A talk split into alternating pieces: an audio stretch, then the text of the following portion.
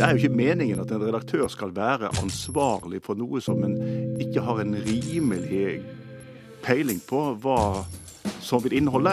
Altså, tanken med redaktørrollen var jo at, det, at man skulle faktisk sørge for at man var ansvarlig og tok ansvar.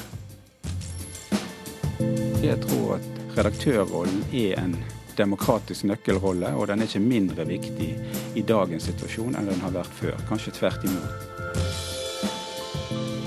Sjefsredaktøren skal stå for alt som går gærent, men det er ikke sjefsredaktøren som tar imot prisene for ypperlig journalistikk. Det er de journalistene som faktisk eh, har gjort det.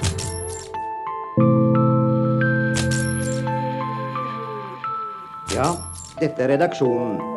Det vil si, det er det stedet i avisen hvor det stoffet som skal leses, blir til eller kommer av seg selv inn i huset.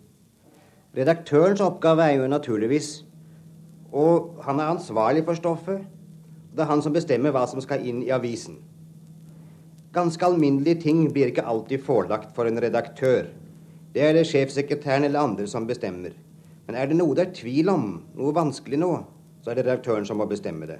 Ja, slik lød det da skolekringkastingen i 1948 forklarte redaktørens oppgaver. Redaktørrollen sto det respekt av. Redaktøren var en viktig person i samfunnet, en samfunnsstøtte, en man regnet med, og kanskje også fryktet, en som alltid ble invitert til viktige anledninger på linje med ordfører, sogneprest og politimester. Han var knyttet til en daglig utgave av en avis og hadde stort sett nokså god oversikt over hva som kom på trykk. I dag produserer avishusene, som nå kaller seg mediehus, tekst, bilder og video døgnet rundt. Ingen redaktør kan ha oversikt over alt som kommer ut. I Kurer i dag skal vi se på hvordan denne redaktørrollen har forandret seg. Men vi skal ta utgangspunkt i én redaktør. Nylig døde Kåre Valebrokk, som ble omtalt som den siste redaktør av den gamle skole. Han er mest kjent for å bygge opp Dagens Næringsliv til en viktig avis her i landet. Kjetil Widsvang er journalist og kommentator i Dagens Næringsliv, og har også skrevet Valebrokks biografi. Og han husker godt redaktørtypen som kom til avisa midt på 80-tallet. Veldig tydelighet, inspirerende fyr, og en veldig sånn det som vel heter visjon, eller noe sånt, noe, hvor han ville, men et ord som jeg tror ikke han likte å ta i sin munn i det hele tatt. Han var interessert i å lage god journalistikk. Ja, Du har sagt at han var den siste redaktør med barskap på kontoret. Hva, hva, hva ligger i det, det bildet? Det tosidighet. Fordi ja, det var han. Det står der fremdeles med en gulnet lapp på med, hvor det står 'hvis du tar øl, så si fra'. Og han sa vel også at det lå under loven vel at man ikke skulle drikke i arbeidstiden, men han holdt det som sin soleklar rett som sjefsredaktør å definere når arbeidstiden var over. Men parallelt med dette her så var han jo, som Bjørg Bråden i Klassekampen skrev her om dagen, en veldig moralsk sørlending, altså. Svært hardt arbeidende. Vi kunne være på seminar og drikke til klokken fire om morgenen, men klokken halv ni var han oppe og hadde lest alle avisene. Så det var en dobbeltsidighet i dette her. Ja, Han har, han har også blitt tillagt at, og har sagt at en journalist skal lukte øl etter lunsj. Ja. Ble det etterlevd i Dagens Næringsliv? Ja, til tider, men det, etter hvert så roet vel det seg litt ned etter de første mest tekniske årene. Men altså, det han mente å si, var jo at uh, journalister bør komme seg ut blant mennesker og treffe dem, og ikke sitte bak en pult og ringe telefoner. Og det sto han ved til den siste stund. Hvordan jobbet han i forhold til redaksjonen? Veldig tett og veldig personlig. Altså Da han tok over dette her i våren 1985, så var det jo en bitte liten redaksjon. Jeg hadde begynt rett før, og da ble alle redaksjonsmøtene for hele redaksjonen holdt inne på sjefsredaktørens kontor. Han begynte da opplaget var 18 000, vel, og da han, var, han sluttet så var det 69 000, så det var jo formidabelt fremskritt. Men ja, det hadde ganske mye å gjøre med hans måte å inspirere og også det, selvfølgelig hvordan han selv markedsførte den utad ved å være veldig synlig. Så hjelper det jo veldig godt å kunne uttrykke seg i sørlandske one-linere, altså. Det er Det skaper en entusiasme, en, og når du da stiller opp for medarbeiderne dine, som han gjorde, så klarer du det. Ja, Han var synlig i samfunnsdebatten og, og var en uh, tydelig stemme. Hva var det han brant for? en blanding av en sørlandsk moralist og en frimarkedstenkende tilhenger. Det er én ting til han som, som skilte han ut. Han hadde jo før han begynte, eller før han kom tilbake til journalistikken Han hadde jobbet mens han studerte og sånt i Morgenblad. Men i mellomtiden hadde han jo drevet en eh, bedrift utenfor Drammen som solgte anleggsmaskiner av den slags i ganske mange år. Så han hadde jo erfaring fra en annen virksomhet enn journalistikken, og det er det veldig få redaktører som i hvert fall da hadde. Så slik sett så var han kanskje både en moderne og en gammeldags redaktør. Hvordan var han likt i redaksjonen? Veldig godt.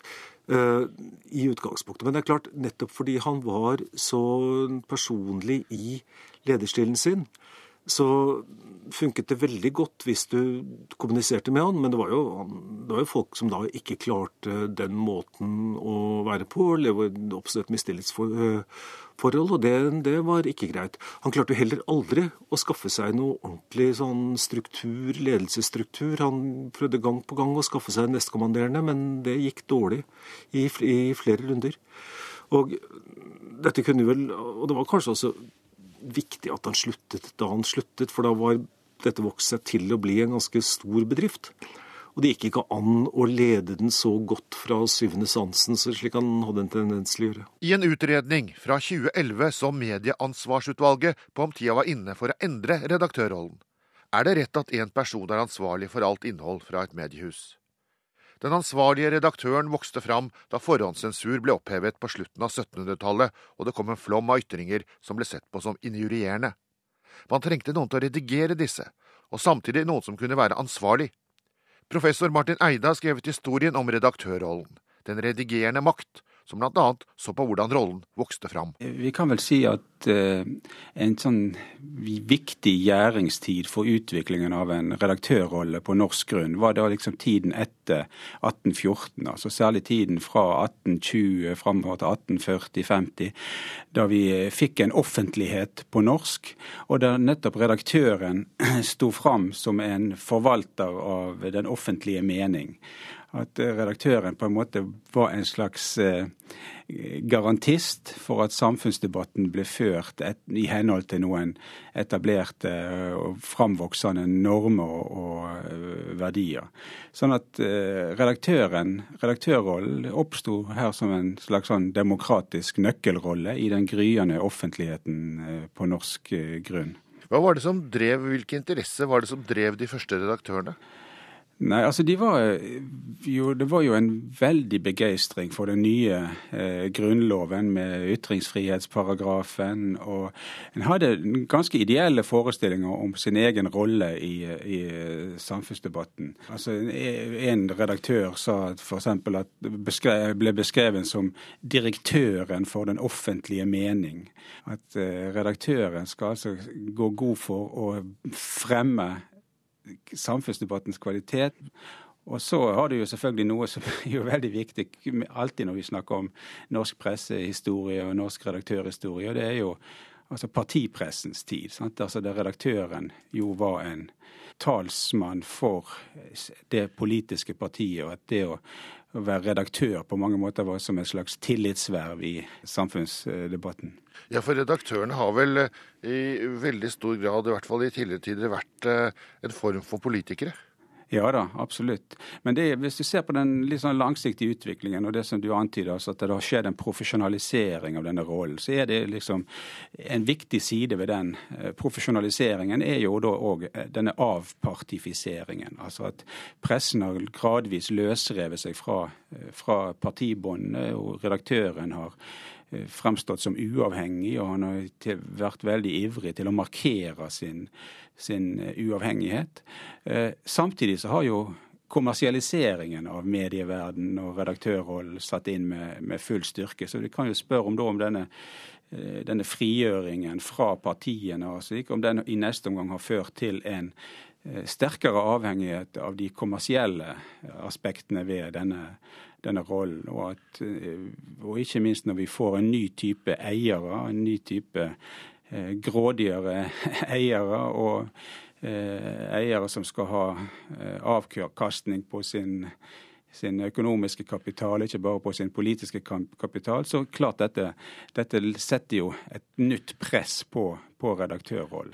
På den annen side så kan du jo si at i partipressens tid så visste du jo òg hvor du hadde de ulike røstene. Du visste hvilket parti de ulike aktørene representerte. Sånn, så, og det var ikke sånn per definisjon at den avpartifiserte presse var så mye mer profesjonell nødvendigvis eh, alltid enn en partipressen. Eh, og det er jo nå det er jo, det er spørsmål hvilken eh, logikk og hvilken ideologi er det som har overtatt der partipressen eh, slapp. og det er som som kom til stedet for partimakten?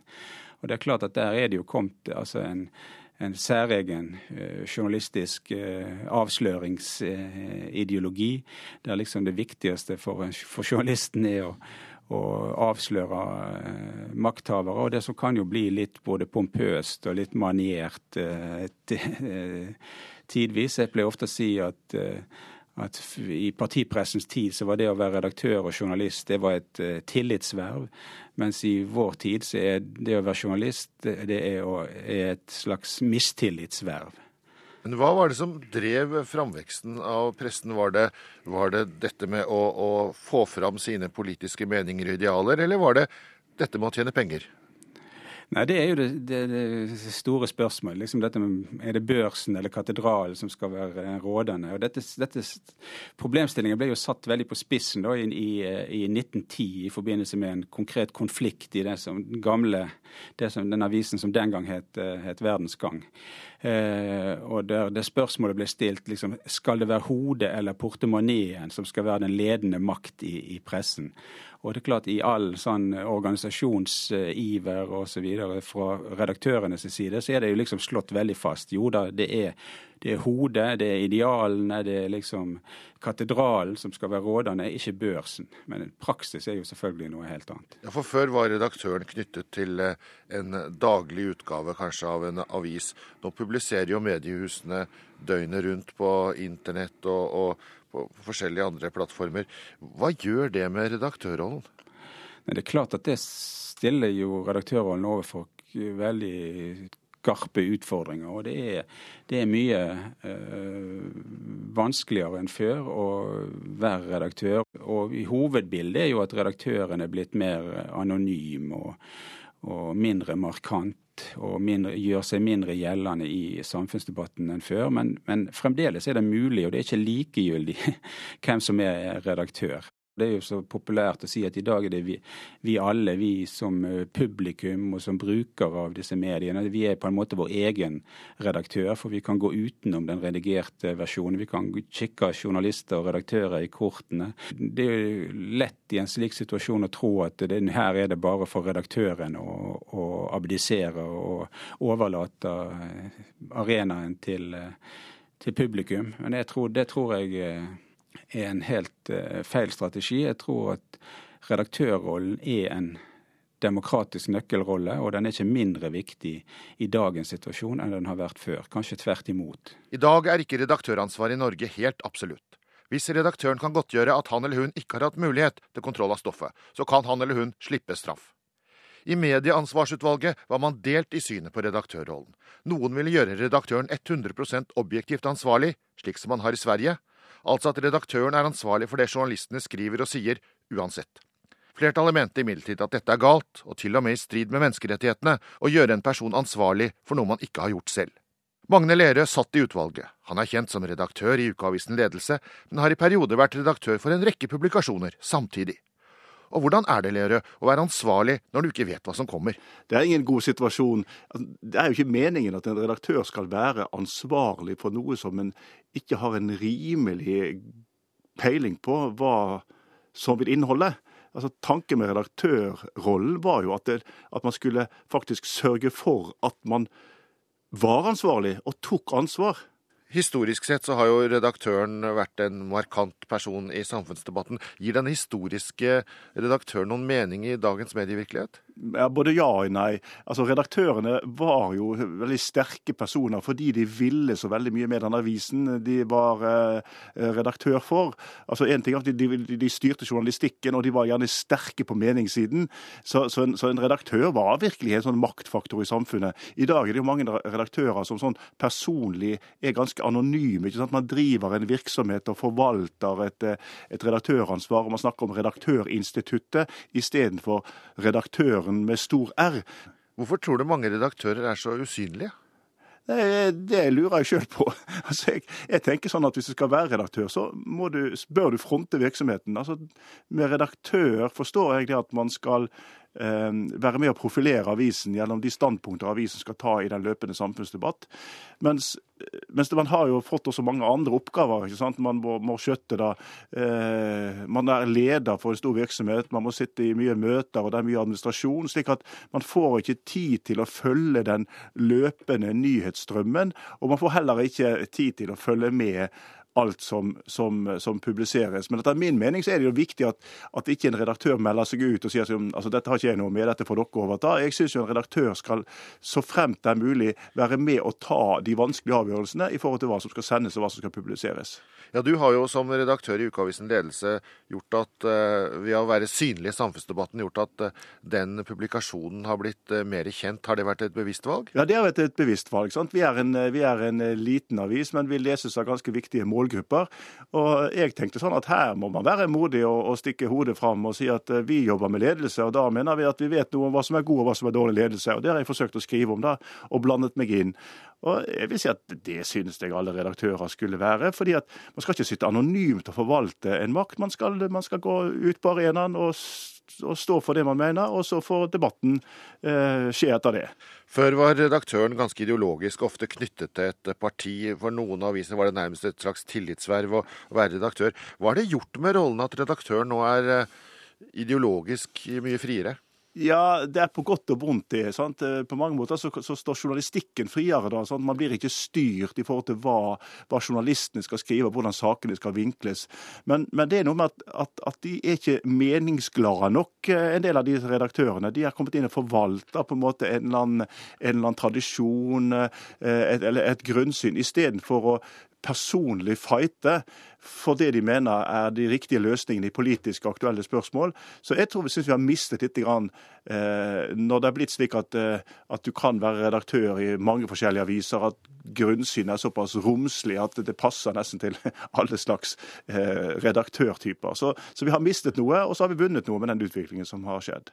Aftenposten har jo en redaktør som eh, tidligere var AKP-er. Det ville vært ganske utenkelig for noen år siden? Ja, absolutt. Nå sier vel hun sjøl også at hun har endret eh, oppfatning ganske mye i løpet av, av årene. Men, men, vi har hatt eksempler på at, eh, at, redaktører har gått fra den ene avisen til den andre på en måte som hadde vært helt utenkelig for, for noen år siden.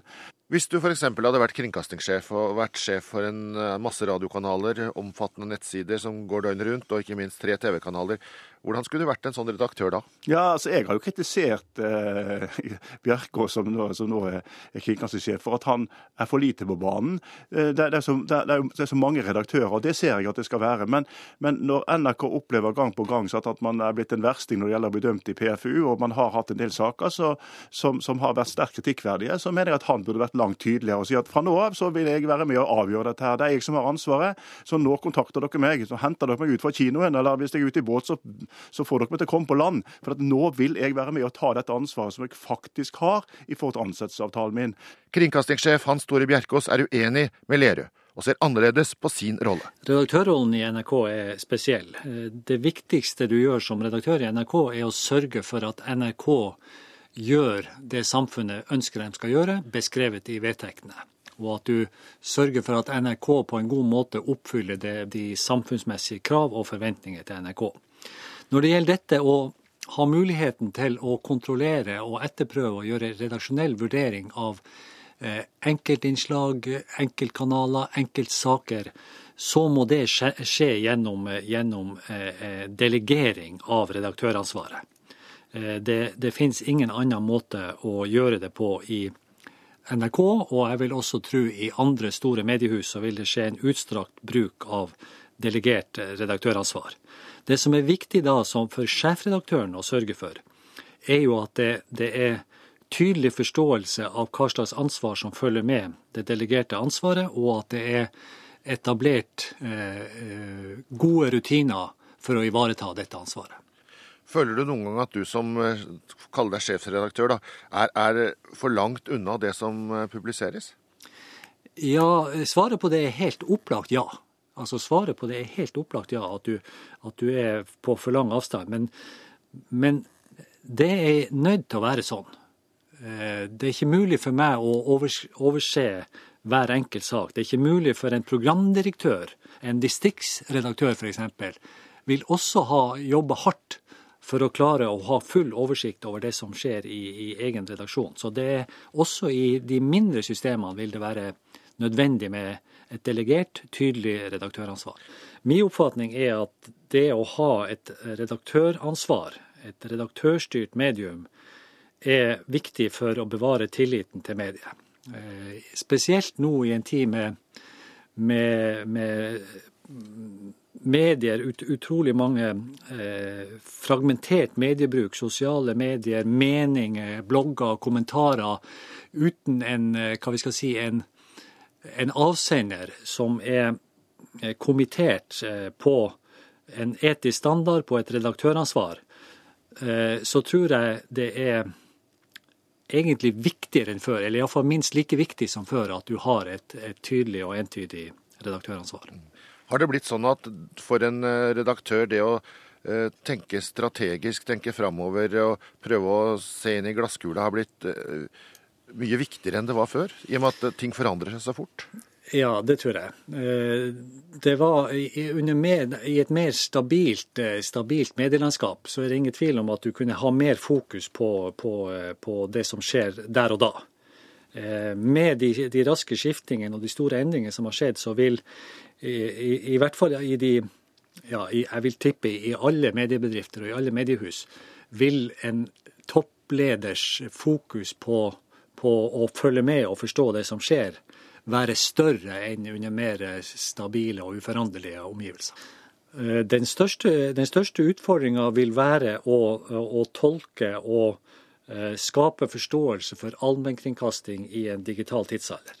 Med de raske endringene som skjer i, i, i mediebildet og mediebruken, så er det å, å lage eh, et innhold som er av en kvalitetsmessig art som gjør at det norske folk vil bruke dette, dette innholdet, også i et tilbud i, i, en, en, mediesituasjon der tilbudet er uendelig, vil jo være ei, ei hovedutfordring. Det å lage så godt innhold at det kan konkurrere med det beste i verden, er jo den store utfordringa. Men er det rett at én sjefredaktør skal sitte med alt ansvar, eller kanskje han bare skal ha begrenset ansvar? Magne Lerøe gikk i Medieansvarsutvalget inn for å endre straffelovsparagrafen om redaktøransvar til å bli mindre absolutt. Men han vil fortsatt ha en rettslig ansvarlig redaktør. Men jeg vil ikke gå så langt som, eh, som flertallet i utvalget gikk, at de, at de, vil si at det er den som faktisk tar en avgjørelse, den som blir ansvarlig. Så vi hadde en interessant debatt om redaktørrollen mellom jurister og vi som kom fra mediene etter utvalget. Og, der, der, landet vi altså på tre ulike standpunkter i akkurat dette spørsmålet her. Ja, hva, hva, hvordan ser juristene på dette? Det, altså Deres utgangspunkt gjelder det strafferettslige redaktøransvar er at ingen kan straffes for en handling de faktisk ikke har hatt reelt mulighet for å påvirke. Så de eh, har vanskeligheter for å godta et såkalt objektivt ansvar. De mener at det er i, i, i strid med internasjonal internasjonal rett. At man skal straffes for noe som man, man faktisk ikke har vært til stede og ikke har visst hva saken dreier seg om. Det er deres standpunkt. Så de vil jo mene at det er den som faktisk tar en avgjørelse. Det er den personen som skal holdes ansvarlig. slik at i prinsippet så kan det da være altså i NRK mange som blir strafferettslig ansvarlig det er faktisk så mange som har vært med på å tatt en avgjørelse, som, som, som skal da stå fram og, og, og, stå til ansvar for dette her, i strafferettslig forstand. Men er redaktørrollen reell i dag? Har ikke nett og nettdebatter og det at det går så fort utvannet den rollen? Jo, altså, og dette har vi jo hatt en debatt de siste årene. ikke sant? Altså, hvilket, hvilket ansvar skal en redaktør ha for alt det søppelet som presenteres uh, i, i, i, kommentarfeltene på, uh, på, nettet? Og Der har man forsøkt å finne en, en, en vei videre ved å si at en ansvarlig redaktør blir ansvarlig i det øyeblikket man blir klar over hva som står der. Men da skal man ta stilling til om man faktisk vil forsvare det. Men man, man blir ikke stilt til ansvar hvis noe skjer på natta ikke sant? når man ikke er klar over det. Man skal, man skal gripe fatt i det når man blir klar over det. Så, så nettet og hele medieutviklingen det, det, det stiller redaktøren overfor ganske vanskelige avveininger. altså. Journalist Kjetil Widsvang forsvarer redaktørens plass, men mener at det er noen paradokser. Sånn det ble kommentert med dette bruduljene NRK var gjennom for en tid tilbake. altså at Sjefsredaktøren skal stå for alt som går gærent, men det er ikke sjefsredaktøren som tar imot prisene for ypperlig journalistikk. Det er de journalistene som faktisk, øh, faktisk har gjort det. Nei, men det må være sånn. Altså, du må ha et, ha et ansvar, et eh, ansvar, oppover, og, det, og en må ha en, eh, å stå for det. Og gjøre det på en annen måte ville være aldeles håpløst. I hvert fall kan ikke jeg tenke meg noe annet, noe annet system som kan fungere. Formann i Norges Presseforbund, redaktør Knut Domås. Mine damer og herrer. De menn som for 25 år siden startet Norsk Presseforbund de samlet seg om å fremme pressens og journalistenes interesser. De skulle bedre deres økonomiske og sosiale vilkår, bedre forholdet mellom kollegene og representere utlandet.